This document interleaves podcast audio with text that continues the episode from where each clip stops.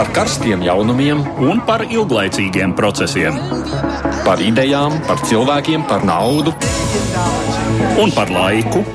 Par abām mūsu planētas puslodēm, un lietojot abas smadzeņu puslodes. Ēterā raidījums divas puslodes.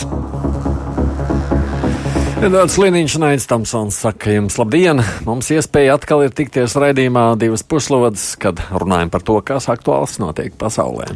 Grūzija tikusi pie jaunas prezidentes. Salome Zurabišvili ir pirmā sieviete šajā amatā. Tiesa, opozīcija vēlēšanu rezultātus joprojām neatzīst. Kāda ir politiskā situācija Grūzijā? Par to pievērs, tam pievērsīsim uzmanību šajā raidījumā.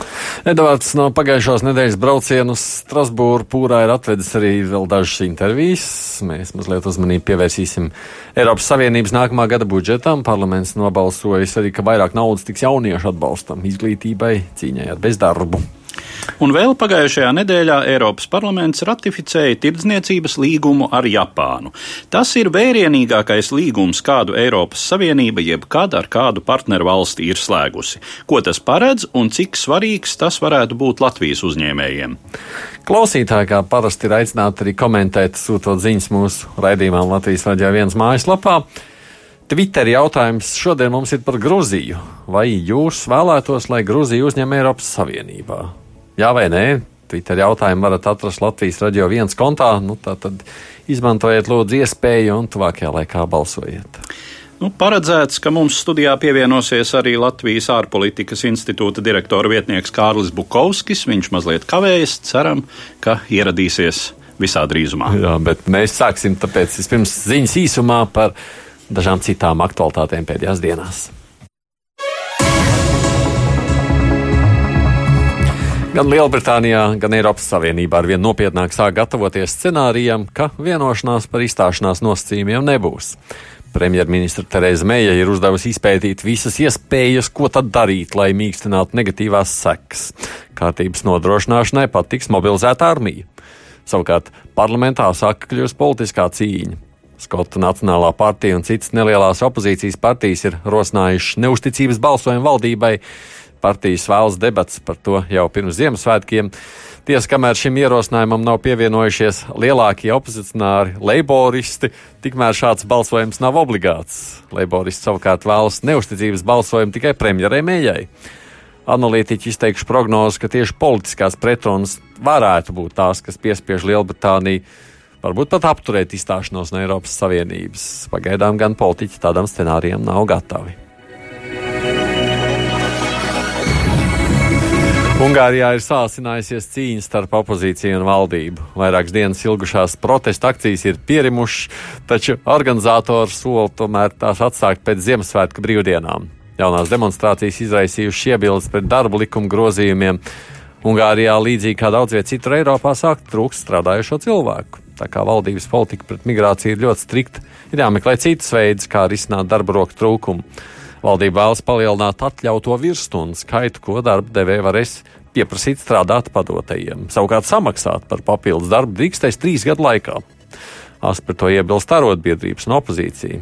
Pēdējās vakarā apmēram 2000 bija iesaistījušies konfrontācijā ar policiju pie valsts raidsabiedrības ēkas. Viens opozīcijas deputāts pat nokļuva pēc tam slimnīcā.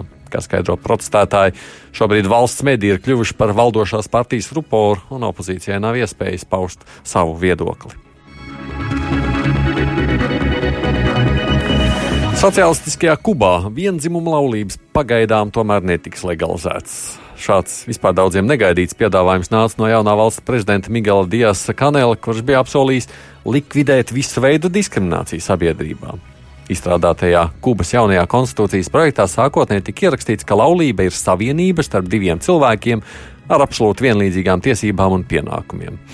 Tomēr Nacionālā asambleja parlaments šonadēļ paziņoja, ka šis formulējums tiks svītrots. Lēmums esot pieņemts pēc evaņģēlisko baznīcu un ierīnas pilsoņu protestiem. Lai panāktu kompromisu, šobrīd Konstitūcijas komisija ierosinājusi atlikt laulības jēdzienu formulēšanu, proti, neiekļaut to konstitūcijas projektā vispār, lai respektētu visus viedokļus.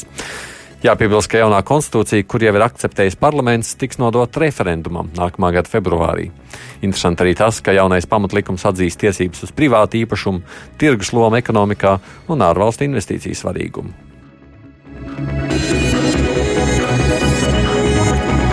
Lietuvas galvaspilsētas pašvaldība neļaus pabeigt Maskavas nama būvniecību Viļņā. Tā ir paziņojusi Viļņas mērs. Pirms diviem gadiem tiesa anulēja 2008. gadā izsniegto būvatļauju jau gandrīz pabeigtā Maskavas nama celtniecībai, norādot, ka ēka ir pārāk augsta un apbūves blīvums, blīvums pārāk liels. Tiesa gan deva iespēju īpašniekiem prasīt jaunu būvatļauju. Pagājušā mēnesī tika iesniegts jauns piedāvājums, kurā ēkai paredzēts vairs ne septiņi, bet seši stāvi, kā to pieļauj detāli plānojums. Tomēr būvatļauja izdota netikšot. Kā uzskata Viļņas mērs, Maskava ar sava nama pasākumiem var censties ietekmēt Lietuvas sabiedrību. Viņš pat ir vērsies drošības dienestā lūdzot izvērtēt, vai topošais Maskavas nams neapdraud Lietuvas nacionālo drošību. Jauns ziņojums ASV senātam ļauj saprast, kā Krievijas troļu ferma ir mēģinājusi ietekmēt ASV prezidenta vēlēšanas 2016. gadā. Sanktpēterburgā bazētās troļu fermas mērķis esot bijis pārliecināt liberāļus, kas atbalstīja Klintonu, arī melnādainos, jauniešus un citus nepiedalīties vēlēšanās, lai Klintonai būtu mazāk balsu. Īpašs uzsvars esot bijis likts uz afroamerikāņu sadusmošanu. Tik izplatīts tādas ziņas, kā Hilarijai Klintonai dzīvības nerūp, Hilarijai Klintonai rūp tikai balsis, policisti nogalina melnādainos bērnus, vai es droši, ka tavs dēls nebūs nākamais un tam līdzīgi. Galvenais vēstījums bija boikotēt vēlēšanas un koncentrēties uz citiem jautājumiem. Savukārt Baltijas republikāņu atbalstītāji aktīvi tika aicināti doties balsot. Bet nu, par sākumā minētajiem tematiem plašāk, un sāksim vispirms ar jaunumiem no Grūzijas. 28. oktobrī uzvarējusi Grūzijas prezidenta vēlēšana otrajā kārtā Soloma Zurabišvili pēc inaugurācijas ceremonijas pagājušo svētdienu kļuva par pirmo sievieti šīs aizkaukāza valsts galvas statusā. 66 gadus vecās Gruzīnu izcelsmes franču diplomātis ceļu pretī augstajam amatam noteikušas nevien pašas izvēles, bet arī viņas dzimtas vēsture. Zurabišvili dzimusi Parīzē, kur pēc 1921. gada padomju iebrukuma neatkarīgajā Gruzijā bija emigrējušas viņas vecāku ģimenes. Salomes Zurabišvili vecvectēvs no tēva puses Niko Nikoladze bija ievērojams darbinieks 19. gadsimta Gruzīnu liberālās inteliģences kustībā, kam ir zināma līdzība ar latviešu jaunstraunieku strādniekiem. Savukārt viņas mātes senčos ir pirmais 1918. gadā neatkarīgu pasludinājušās Gruzijas premjerministrs Noičs Remišvili. Iegūs izglītību prestižajā Parīzes Politisko zinātņu institūtā, Zurabišvilī kļuva par Francijas ārlietu dienesta darbinieci. 2003. gadā viņa tika iecelta par Francijas vēstnieci Gruzijā, bet 2004. gadā pieņēma prezidenta Mihaila Sakašvilī piedāvājumu kļūt par viņa valdības ārlietu ministri. Šajā amatā Zurabišvilī sevišķi daudz paveica mobilizējot bijušo padomu bloku valstu, tā skaitā Baltijas, atbalstu Gruzijas centieniem tuvināties Eiropas Savienībai un NATO. Kad 2005. gadā pēc konfrontācijas ar daļu parlamentāriešu Zurabišvilī nācās atstāt ministra amatu, viņa nolēma neatgriezties Francijas diplomātiskajā dienestā, bet gan uzsākt patstāvīgu politisko karjeru. Nozīmīgākus panākumus politiķi gan gūta tikai pēc pieslēgšanās partiju apvienībai Gruzīnu sapnis Demokrātiska Grūzija, kura kopš 2012. gada vēlēšanām ir valdošais politiskais spēks. Prezidenta vēlēšanās Zurabišvili startēja kā neatkarīgā kandidāte, taču ar plašu grūzīņu sapņa atbalstu. Partiju vada miljardieris Bidzina Ivanišvili, kurš savu kapitālu iegūs Krievijā, tāpēc grūzīņu sapnis reizumis tiek uzlūkots kā prokrievisks spēks. Arī prezidenta vēlēšanu kampaņā Zurabišvili retorika Krievijas un tās atbalstīto Dienvidosetijas un Abhāzijas separātistu sakarā bija atturīgāka nekā viņas galvenajam konkurentam Griglam Vašadzem. Tomēr jau pirmajās intervijās pēc ievēlēšanas prezidente Zurabišvili raksturojas Krieviju kā neprognozējumu agresoru, ar kuru normāls dialogs šobrīd nav iespējams. Kā norāda analītiķi, pēc Krievijas agresijas pret Grūziju 2008. gadā citāda pozīcija jebkuram prominentam grūzīnu politiķam praktiski arī nav iedomājama.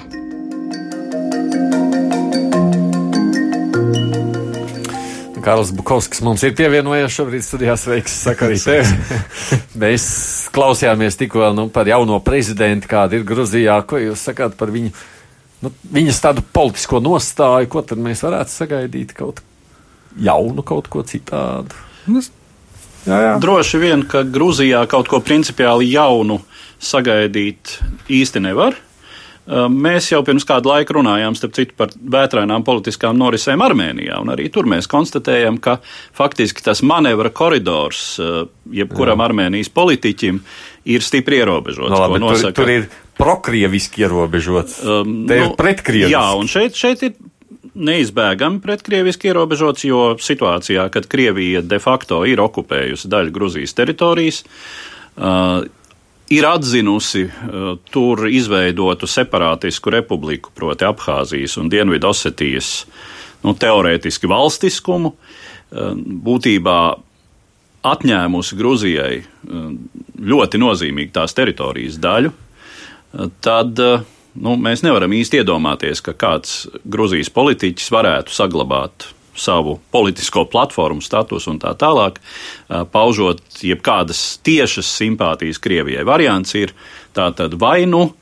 atturīgāka, mērenāka retorika šai sakarā, teiksim, nelikt akcentu tik daudz uz šo teritoriju atgūšanu, Nu, teiksim, pēdējā prezidenta vēlēšana kampaņā tiek atzīmēts, ka lūk, Grigols Vašadze, kas bija galvenais konkurents um, pašreizējai prezidentei uh, un pārstāv otru lielāko Grūzijas politisko spēku, tātad apvienotā nacionālā kustība, uh, no kuras, uh, no kuru faktiski izveidoja savā laikā prezidents Sākašvili, tad viņš ir licis lielāku akcentu uz šo mhm. teritoriju atgūšanu, lai gan, protams, arī teicis, ka Runa var būt tikai par atgūšanu diplomātiskiem līdzekļiem, starptautiskā spiediena rezultātā. Nu, arī viņš neiedomājas, ka Grūzija varētu uzsākt jaunu karu ar Krieviju šo teritoriju atgūšanai. Nu, no otras puses, jau skaidrs, nu, ir jau realitāte tāda, kāda tā ir.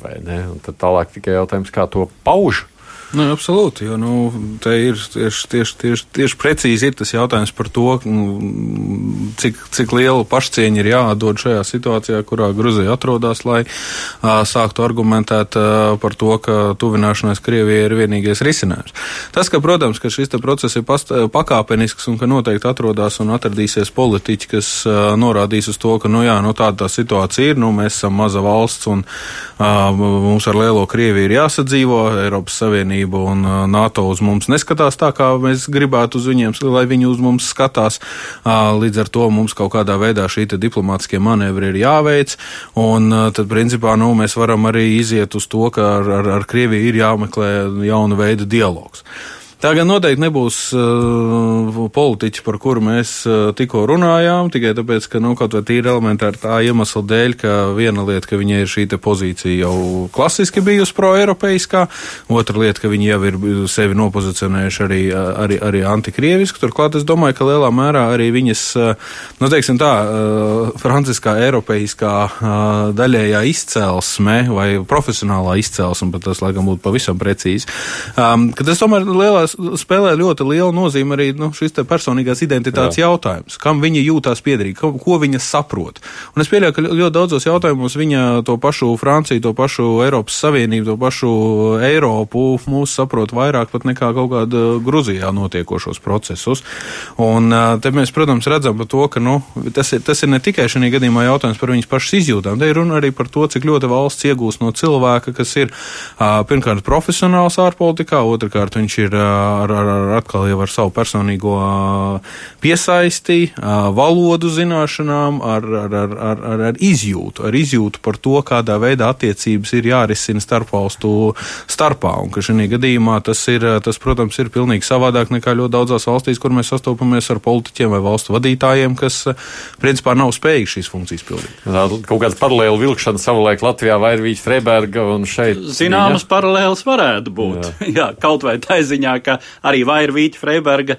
Eh, nu, tas ir absolūti vien, viens aspekts, viena šķautnīte. Vairvīķa Freiberga arī labi runāja franču valodā eh, un savā laikā bija pavadījusi, zinām, savus dzīves posmu franču Marokā. Eh, bet runājot, jā, par Franciju un ehm, pašreizējo Gruzijas prezidentu, šī Francijas elementa klātbūtne var būt visai nozīmīga, jo ja mēs domājam par Franciju, kāda tā ir bijusi pēc otrā pasaules kara pasaules politiskajās kombinācijās, nu, tā ir brīžiem diezgan izteikti centusies ieturēt tādu viduspunktu starp Padomju Savienību un teiksim, lielajām anglosakšu Ziemeļatlantijas valstīm, tātad pirmkārt Savienotās valstis, nu un Lielbritānija, jā, arī, arī Kanāda, tātad šis, šis valstu bloks, un Francija kaut kur ir mēģinājusi īstenot tādu, protams, ne uh,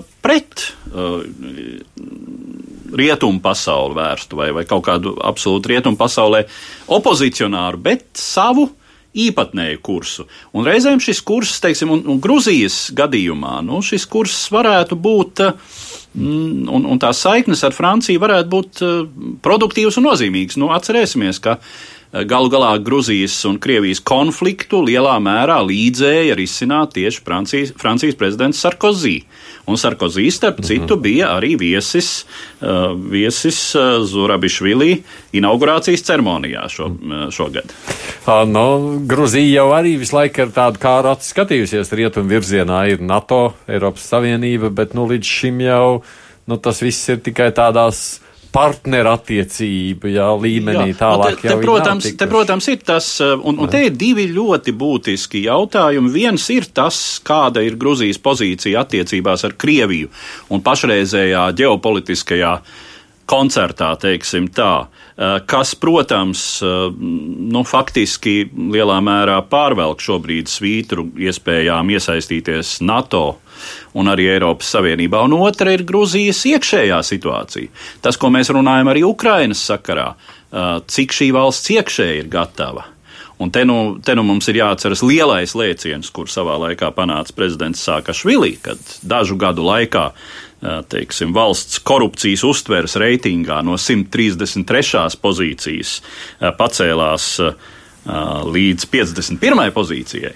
Un šobrīd Grūzija ir 44. pozīcijā, kuru starp citu dālā ar Latviju mm. šajā reitingā un uh, apsteidz vairākas Eiropas Savienības nu, tādu viedokļu varētu teikt, ka viņi ja. ir gatavāki. Uh, nu, viņi, viņi ir ļoti daudz izdarījuši, bet nu, tad nāca šis konflikts un nāca zināmā mērā atkritiens. Jā. Uh, un, un tas, ir, tas ir jautājums, uz kuru, protams, jebkurai valstī ir jāatbild, kad tā startē uz Eiropas Savienību un NATO. Tu tūlīt arī atbildēs tikai prasījām klausītājiem, ko viņi, vai ko mūsu latvieši gribētu vai būt par to vai nebūtu, ka Lat Gruzija uzņem uzņem Eiropas Savienībā 60% saka jā, 40% nē. Nu, proti, nu, mēs tā, tā, tā. Nē, nu, mēs esam tomēr diezgan noteikti par un, un solidāri. Nu, tā. Nu, es, te, es, es drīzāk teiktu, ka arī šis, te, šis te cipars ir ļoti adekvāts un precīzs, un es domāju, ka atkarībā no valsts, gan mēs arī redzētu, kur tur tās izmaiņas pamainās, tikai tāpēc, ka tiklīdz būtu varbūt tas tā pati Turcija, tā uzreiz Aha. tas princips, jā, jā, cipars būtu savādāks. Bet tas, ka mums ir sabiedrībā savā veidā, nu, kaut kur, kaut kur dalītas sašķelt savās eh, jūtās attiecībā pret tālāko Eiropas Savienības paplašināšanos, tā tas ir bijis, nu, jau uz sākta gala ir tādi, kas saprot par to, ka, nu, mēs eh, mūsu, mūsu stāsts un veiksmi mm, salīdzinošā ar daudzām citām valstīm, ja mēs atkal mm. aizbraucam uz, uz, uz, uz, uz postpadomu valstīm, um, tad uh, ir, ir, ir bijusi lielā mērā saistīta ar šo dalību Eiropas Savienībā, nu, tad kāpēc, kāpēc neatstāt, nedot iespēju arī citiem? Otra sabiedrības daļa, kas, protams, ir pozīcijā, ka labāk, labāk ne, ka viņi ir vi, vi, visi, visi nesīs tikai un vienīgi mūsu savā veidā, nu tāda viegla divkosības pie, pieskaņtenī visā. Par Gruziju runājot, gan ir pāris, pāris lietas, ko es vēl gribēju pakomentēt, ir tas, ka viena lieta, ka, nu, tas nav tikai partnerības līmenī vairs, jo principā jau ir, jau ir pāris gadi, kad ir tā saucamais Deep, deep and Comprehensive Free Trade Agreement, kas ir um, dziļ, dziļš, dziļš un vispārīgs uh, tirzniecības līgums, lai gan viņš tā uh, tulkoja brīvās tirzniecības līgums, kas principā ir uh, tādi ir noslēgti arī Moldovai un tādi noslēgti arī ir Ukrainai, kas savā veidā ir bijuši kā rezultāts arī austrumu partnerības politikai no, līdz šim. Un tajā jau ir ļoti daudzas lietas atrunāts ļoti konkrēti, kas vēl ir veicamās, tā kā ceļā tuvinoties Eiropas Savienībai, tieši tāpatās kā arī ļoti daudzas lietas, kas ir tā kā tirsniecības ziņā ir, ir, ir atbrīvotas. Un tas tad, ir tas stāsts, ka tā mm, futbola nedaudz spēlēšana, viņa notiekās tomēr uz jau, jau diezgan rakstītākiem noteikumiem. Um, līdz ar to, jo tas arī kaut kā Gruzīna argumentē, ka te jau nav stāsts tikai, nu, labi, mums ir tā problēma, mums ir tā problēma ar Krieviju.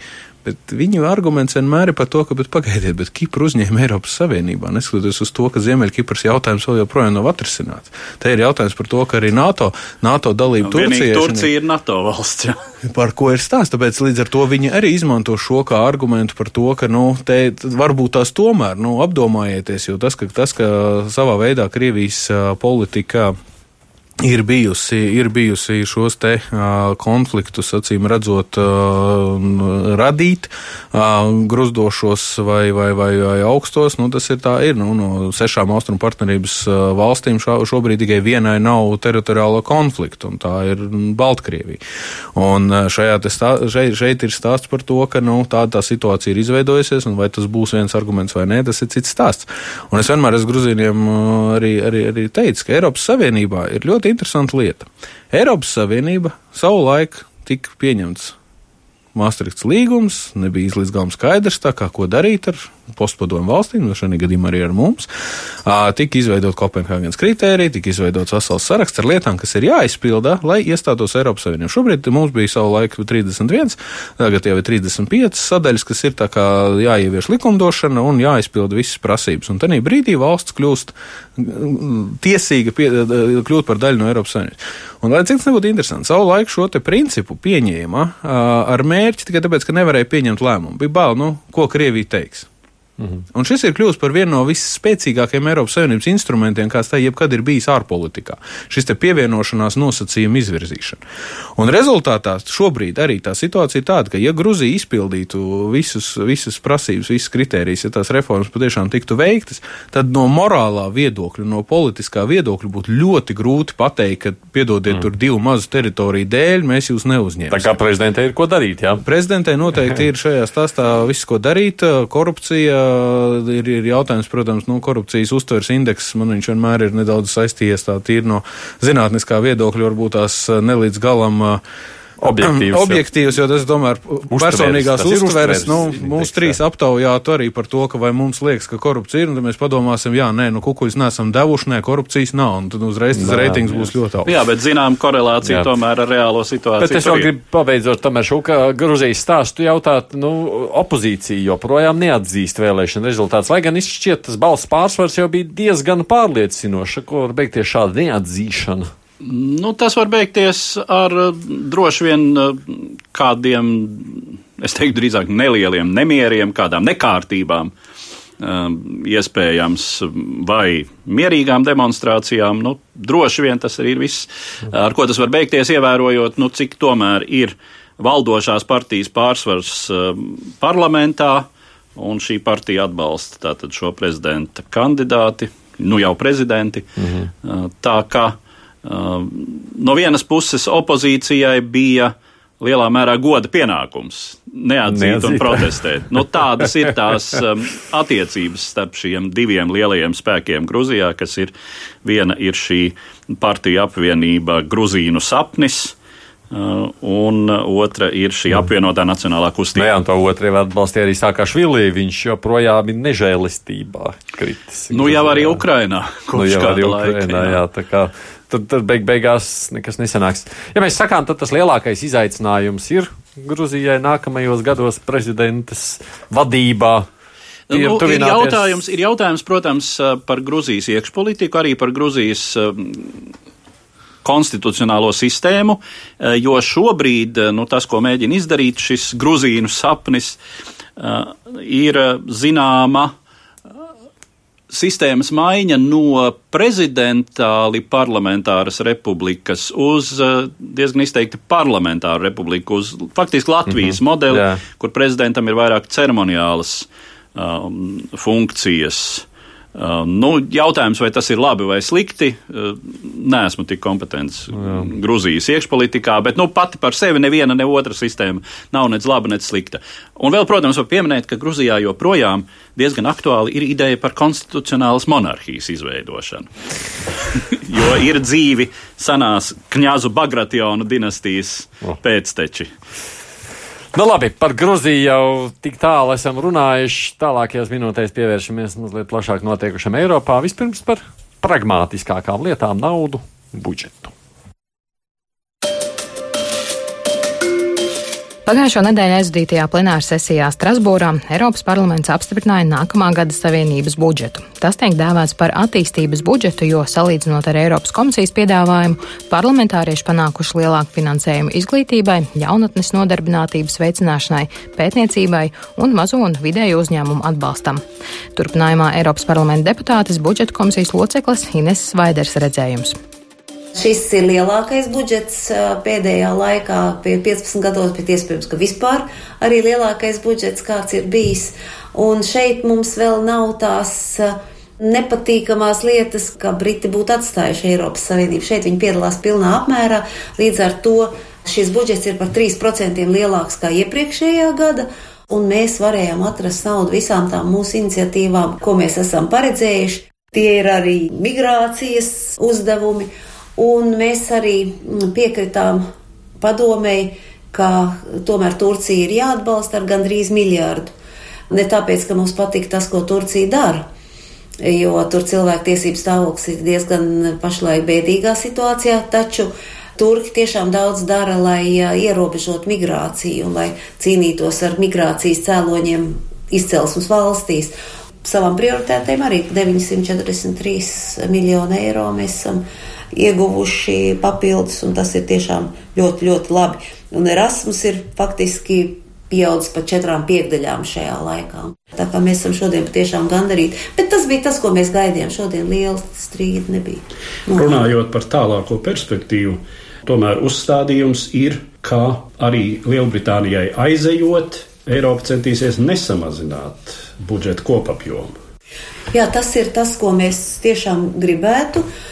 Deputātu vidū tas ir ļoti, ļoti izplatīts viedoklis. Nu, nevar būt tā, ka mums ir uzdevumu vairāk, bet budžets paliek mazāks. Neraugoties to, ka pēc dažādiem aprēķiniem šis budžeta caurums, kas veidosies, kad Briti dosies prom, ir lēšams 11 līdz 14 miljārdu eiro apjomā, un tas ir ļoti liels caurums. Nu, daļēji jau kā komisārs Ettingers teica, ka mēs varam gan ar jauniem papildus līdzekļiem, gan arī ar taupību šo caurumu piepildīt. Taupīgas eh, saimniekošanas pazīme būtu noteikti, ja mēs kaut maz drusciņi varētu samazināt birokrātijas izdevumus. Mums vienmēr deputātiem saka, nu tie jau ir tikai 6%, bet man tomēr liekas, ka mēs varētu krietni samazināt, jo Eiropas Savienība ir diezgan izšķērdīga. Savas birokrātijas atalgošanā un arī tās sociālās garantijas, manuprāt, dažkārt ir ļoti pārspīlēts.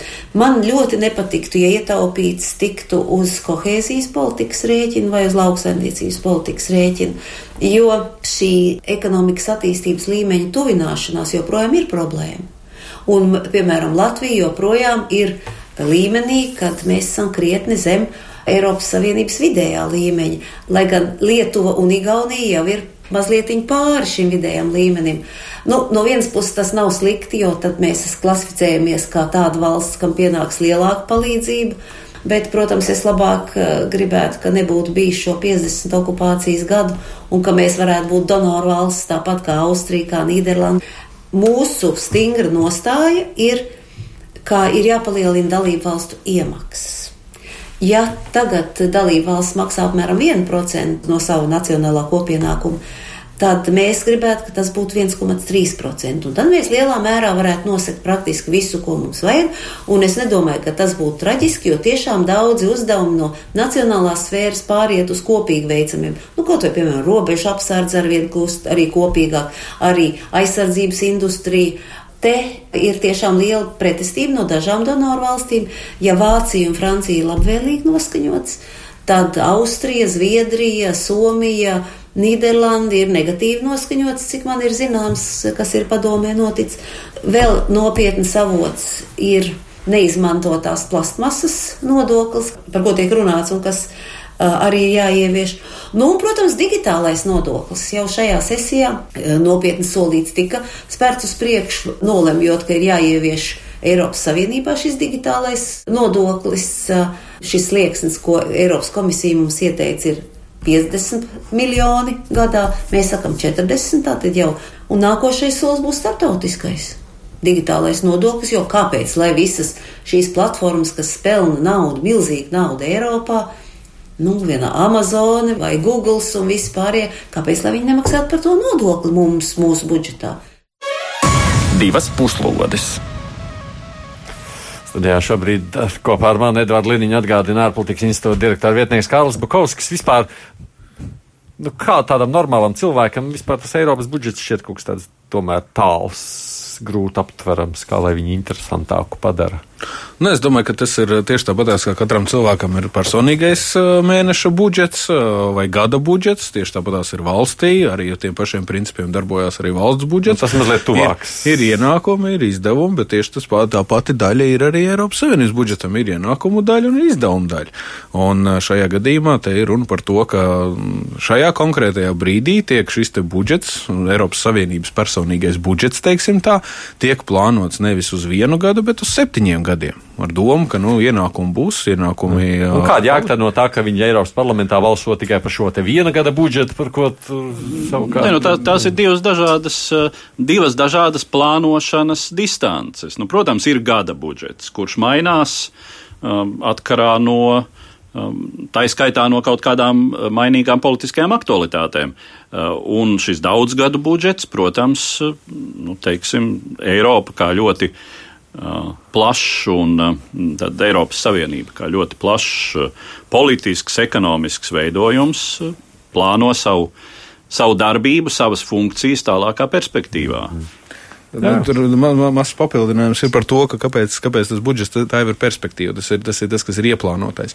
Jo liela daļa lietu un sevišķi valstu iemaksas ir atkarīgas no IKP izmēriem. Un šajā gadījumā tāpēc mm. ekonomisko krīžu laikā, un tāpēc katru gadu ir jāpieņem, Jā. tikai tāpēc, ka tur mēs tie IKP staigāt, un tāpēc līdz ar to tie precīzie cipari jau ir tikai uz katru nākamo gadu tiek pielēmti. Bet... Tāpēc tas Vaiders sacītais, ka šis ir tas labākais, lielākais, ja, nu, tā kā visveiksmīgāk.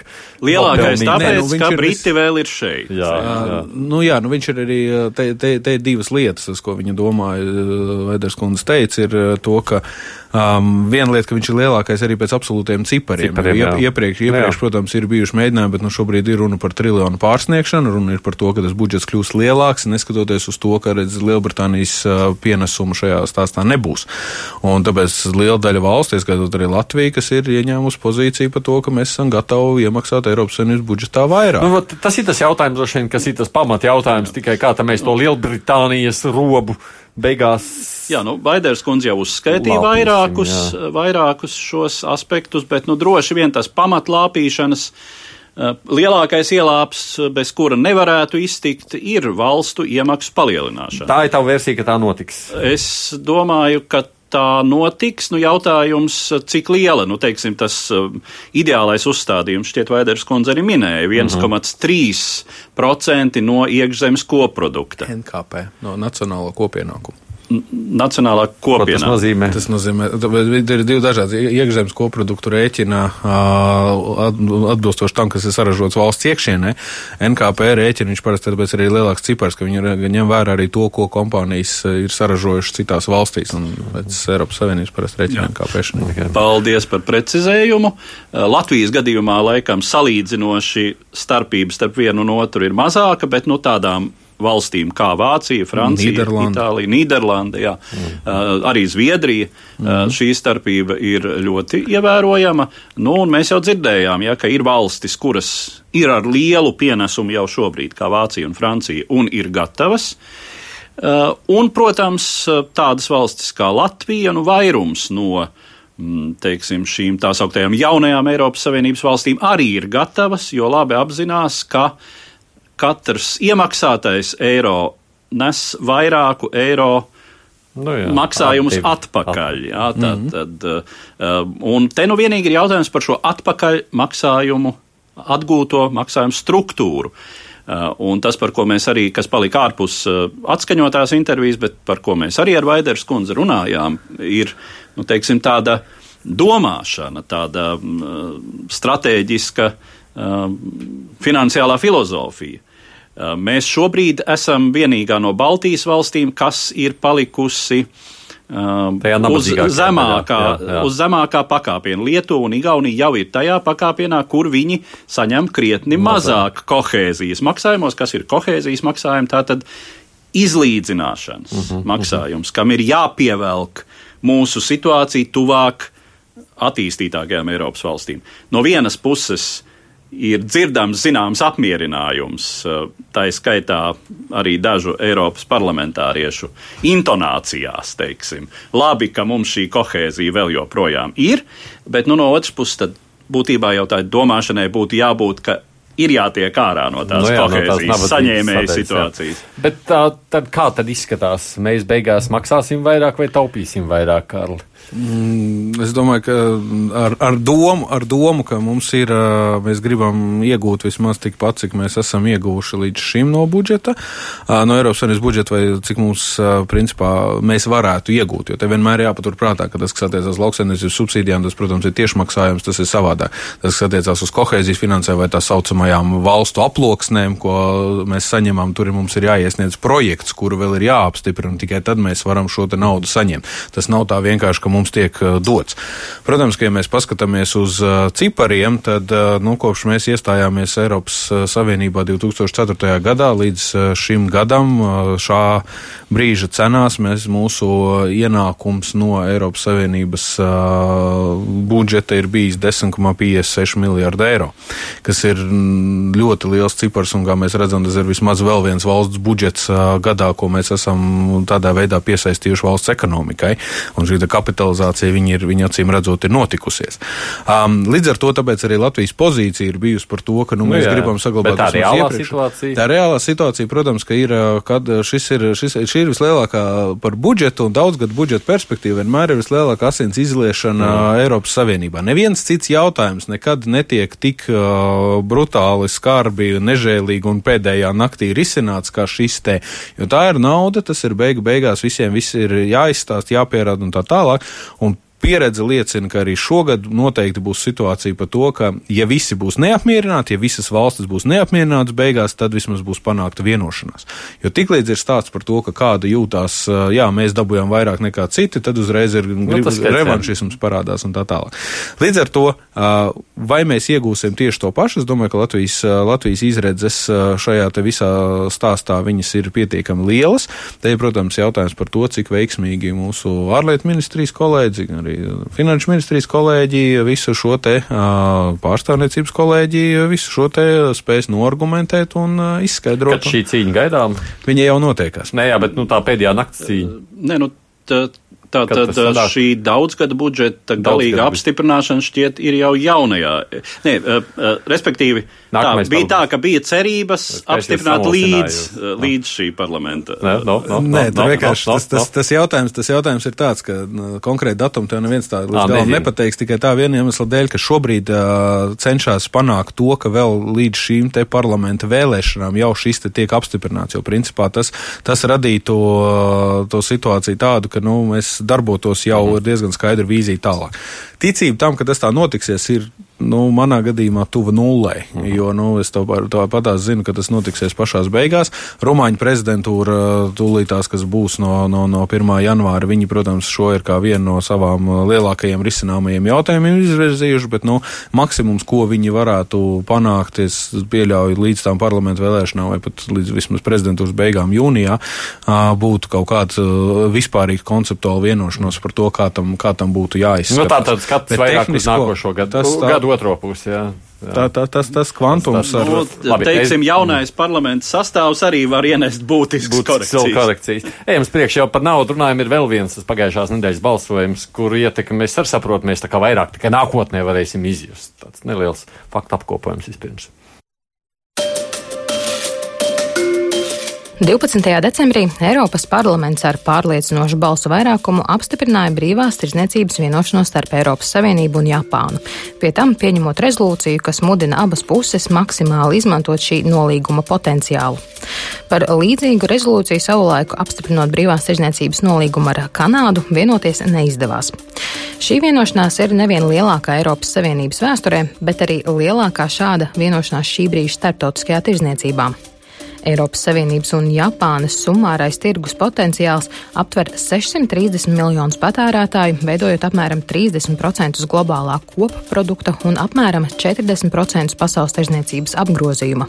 Preses konferencē Strasbūrā pēc izšķirošā balsojuma Eiropas komisijas tirzniecības komisāra Cecīlija Malmstrēma kā nozīmīgākos ražojumus, kuriem ar šo vienošanos pavērts ceļš uz Japānas tirgu, piesauca vīnu, koksnes izstrādājumus, kosmētiku, apģērbus, lielopu gaļu, kā arī iespēju Eiropas uzņēmumiem piedalīties Japānas vietējos publiskajos iepirkumu konkursos.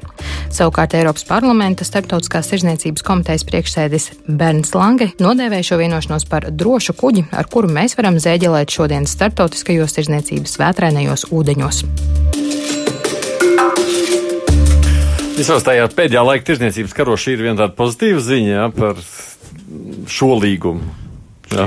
Ļoti pozitīvi. ļoti pozitīvi. Nu, ļoti pozitīvi es pieļauju atkarībā no tā, kāda ir politiskā pozīcija. Ja tu esi globālists, uh, antiglobālists, precīzāk Nu, tad- sakot, nu, tad tad ir noteikti tas ir, nē, tas, tās ir šausmas un ārprāts. Bet uh, es domāju, ka šajā gadījumā tas, uh, tas, tas stāsts, ņemot vērā tos uh, ieguvumus, kas uh, tiek uh, plānoti, un ka šajā gadījumā šī tirdzniecības liberalizācija, kas novedīs pie tā, ka uh, kompānijas varēs vairāk tirgot un attiecīgi pieņemt darbā vairāk cilvēkus, kas tā kā ražo un ir iesaistīti arī um, tirdzniecības procesā, tas ir no tā viedokļa, tā ir tā centrālais uzdevums un centrālā interese. Lai klausītāji saprast, Japāņa joprojām ir ļoti ietekmīgs spēlētājs, jā, pasaules šajā Jā, te manuprāt, biznesa. ceturtā lielākā ekonomika. Jā, mums jau liekas, nu labi, viņi tur tomēr, nu kas tad te jau Ķīna blakus un.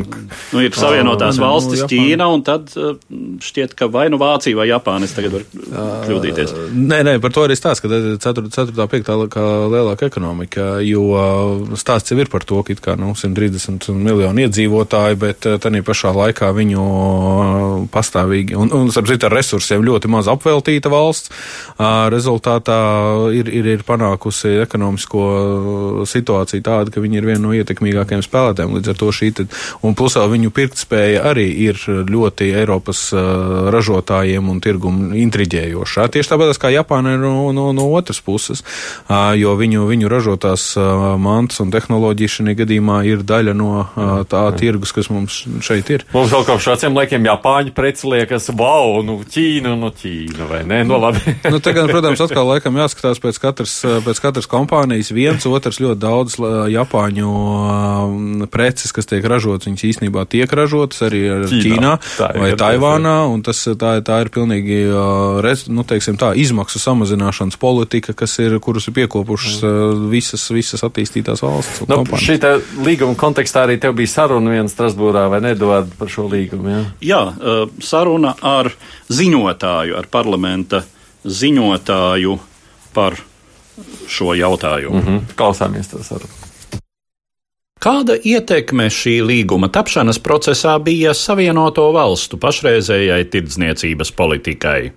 Well, I would say it, it was uh. Es teiktu, tas bija visai nozīmīgi šim rezultātam. Ļaudis saprata, ka mums ir jāatbild šim protekcionismu vilnim. Tāpat mums jāizmanto izdevība, ko sniedz Savienoto valstu izstāšanās no transatlantiskās partnerības brīvās tirdzniecības līguma. Eiropas Savienībai tā ir laba iespēja veidot un virzīt savus standartus globālajā tirdzniecībā un Āzijas klusā okeāna reģionā. Tādā ziņā šis balsojums ir atbild tam visam. Faktiski mēs sakām, ka tirdzniecības karvietā mēs saskatām risinājumu globalizācijas regulēšanā, godīgos tirdzniecības līgumos, kas spēj radīt noteikumos balstītu tirdzniecības kārtību. Create uh. Vai šis kaut kā varētu ietekmēt Eiropas Savienības un Savienoto valstu brīvās tirdzniecības līguma situāciju? No, I think it's um, a different uh, discussion. Es domāju, tā ir cita saruna, bet taisnība ir, ka mēs uzstādām ļoti augstus standartus, jo šis noteikti ir visprogresīvākais nolīgums, kādu Eiropas Savienība jebkad ir noslēgusi. Te mums ir darīšana ne tikai ar tarifu barjeru noņemšanu, bet arī ar citiem tirzniecības ierobežojumiem. Mēs pievēršamies arī ilgspējīgas attīstības problēmām - vidas aizsardzībai, sociālajai aizsardzībai, patērētāju tiesībām, pārtiks drošībai. Tas nosaka standartu. Attiecīgi, Eiropas parlaments uzskatīs par problemātisku šauru satura tirzniecības vienošanos ar Savienotajām valstīm. Mēs uzskatām, ka mūsu tirzniecības līgumiem jābūt tādiem, kas ievēro iedzīvotāju un nevalstisko organizāciju bažas. uh, respond to the concerns of citizens and NGOs. Un kādu tālāko virzību mēs varam sagaidīt Eiropas Savienības tirdzniecības politikai Āzijas reģionā? Vai iezīmējas kāda attīstība Ķīnas, Indijas virzienā? Uh, Lietas virzās uz priekšu. Eiropas Savienība ir ļoti ambicioza tirdzniecības programma. Šodien mēs nobalsojam par vienošanos ar Japānu, bet nākamās rindā ir vienošanās ar Singapūru un Vietnamu, un notiek sarunas ar citām reģionu valstīm. Ciešāku tirdzniecības sakaru iedibināšana ar šī reģiona valstīm palīdzēs nostiprināt mūsu standartus un vērtības globālajā tirdzniecībā. Pretējā gadījumā tāda nozīmīga tirgus spēlētāja kā Ķīna vai Indija iedibinās savus standartus kas nebūtu pareizi. Mums tā tad jāizmanto šīs iespējas. Šī ir joma, kurā Eiropas Savienības institūcijas dod pienesumu. Pienesumu lēmumu pieņemšanā un saulēcīgā reaģēšanā uz izaicinājumiem. Un, manuprāt, tas nāk par labu Eiropas budžetam. And to respond in a timely manner to the challenges, I think it's a good thing for the European project. Tā kā Latvijas un Portugāles ekonomikas struktūras savā ziņā ir salīdzināmas, vai jūs varat minēt tās ražošanas nozares, kuras būs lielākās ieguvējas no šīs vienošanās jūsu dzimtenē?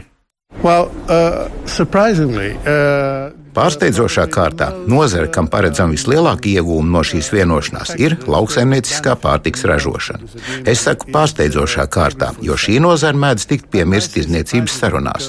Bet šobrīd visas nozīmīgākās ekonomikas nozares Eiropas Savienībā izsakās par labu šai vienošanās, taču lauksaimnieciskā pārtiks ražošana, jo sevišķi cik tālu šī vienošanās tai dos daudz labāk pieeja Japānas tirgumu. Tas attiecas piemēram uz vīnu, kas ir svarīgi tādai valstī kā Portugāla. Šobrīd Japāna ir noteikusi 15% tarifu mūsu eksportam uz Japānu, un tas tiks atcelts no pirmās vienošanās spēkā stāšanās dienas. Tas nozīmē, ka jau nākamajā dienā Eiropas vīni Japānā būs par 15% lētāki. Es domāju, ka lauksaimnieciskā pārtiks ražošana, tā skaitā Latvijā, noteikti iegūs no šīs vienošanās. One will benefit uh, for sure with this uh, agreement. Jā, sarunbiedrs bija Eiropas parlamenta deputāts no Portugāles, Silva Pereira, tātad galvenais ziņotājs. Tajā, nu, var teikt, līgumā, šī līguma jā. aizstāvētājs. Un, uh, mēs viņu intervējām divatā ar portālu Delfi žurnālistu Kristīnu Liepiņu, mm -hmm. kāpēc tur vienā jautājumā ieskanējās arī dāmas balss. Bet es klausoties tādu secinājumu, tad mūsu piens sagatavosies uz Japānu. Jā, tā, viņš, jau, viņš jau pirms tam varēja doties, bet uh, gan, gan, gan, gan pulveris, nevis, uh, nevis, nevis, nevis šķidrā formā, um, jo agregāts stāvokli. jo uh, te, te ir runa par to, ka, protams, ka nu, iepriekš, iepriekš katru, ko, katru lietu, ko tu ieved iekšā, nu, tev ir jāmaksā vēl papildus, uh, papildus tarifs. Nu, tagad šajā brīdī tas, tas, tas, tas tiks atcelts, un tas jau ir arī tādā ziņā veicina uzreiz.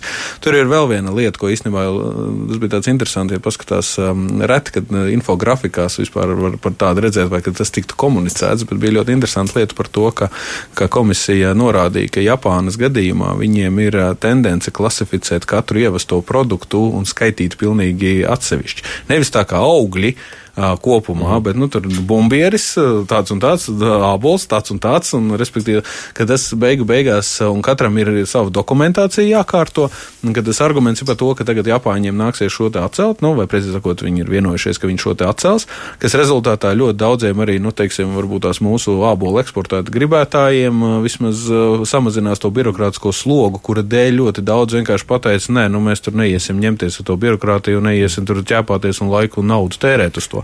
Jo tās tagad... ir tās augtās netarifu barjeras, Jā. par kurām arī. Bet runā. es saprotu, tagad tās, tas lielais iegūms ir, ka būtībā mūsu uzņēmēji varētu tā diezgan brīvi skatīties, tagad lūkoties Japānas virzienā. Jā. Kokapstrāde, gaļas ražošana. Nu, galu galā var būt pat parfimērija un tekstilrūpniecība. Bet es, tā, kad bija stāsts par ASV līgumu, Kanādu, tad tur tās bažas bija lielas, vai ne? Tīpaši par ASV tur vispār netika līdz. Tur pat, man liekas, nekādas cerības nelikās, ka būtu iespējas noslēgt. Mums no Japānas mazāk bail.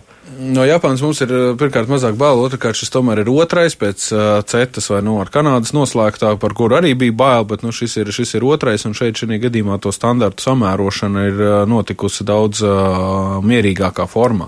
Jo tas, kas attiecās uz Ameriku, tur bija, tur bija nu, divi, trīs lielie jautājumi. Viens jautājums bija par, lai cik tas smieklīgi neizklausītos, bet vai uh, vistas vajag ar antibiotikām uh, pačkāt vai ar uh, chlorā mazgāt, kas nu kuram patika vairāk, mums patīk vairāk chlorā mazgāt tā amerikāņiem patīk vairāk antibiotikas dot. Um, jā, nu, bet tas ir tas, ko mēs ēdam.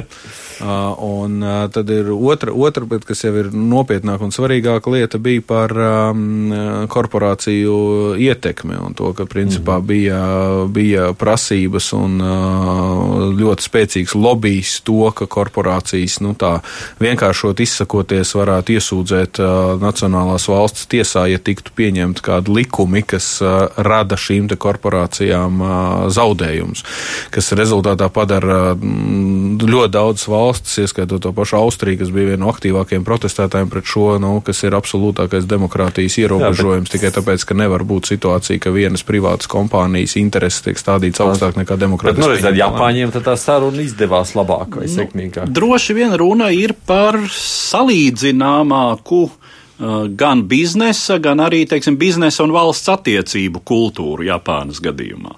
Hmm. Nu, jebkurā gadījumā tā doma tāda, ka vai tas palīdzēs, pieņemsim, nākošajās valstu sarunās Nu, ar ASV, ar ASV laikam nekas vairs Nē, nu, nākamās, nākamās, kas ir, tā teikt, trubā šobrīd atrodas, tā kā procesā. Kā Silva Pereira tieši arī teica, on tube, jā, jā, jā, jā trubā. Caurule Latvijas. Uh, on the, in the pipeline. Um, un uh, tas, kas ir, ir, ir, ir uh, šādi paši līgumi ar Austrāliju un Jaunzēlandu, un vēl ir arī ar Panamu. Uh, Singapūru un Vietnamu. Singapūra un Vietnama arī vēl nāk klāt. Tā kā, principā, TTIPs, lai cik tas nebūtu paradoxāli, bet tas, kas ir tas tas slavenais Amerikas ASV, Amerika, ASV un Eiropas Savienības līgums. Tur ir savā veidā tāda interesanta situācija, bet jā, no nu, ar Trumpa kungu kaut kur varbūt arī jā. saprotams, ka pirmā lieta, ko viņš noraidīja, bija šis te, bet tagad jā. tas ir tas, ko viņš īstenībā tieši gribētu, lai būtu starp Eiropas Savienību un ASV, ka visi tarifi tiktu atcelt un viss būtu godīgi un vienlīdzīgi. Ārpolitikas institūta direktora vietnieks Kārlis Bukovskis, paldies par atnākšanu, Edvards Liniņš un es aicu Tamsons, mūsu producenti Ievzeize. Tiksimies atkal pēc nedēļas, kad visticamāk runāsim nevis par to, kas noticis nedēļas laikā, bet visu gadu griezumā. Priecīgas Ziemassvētkus visiem varam vēlēt. Divas puslodes!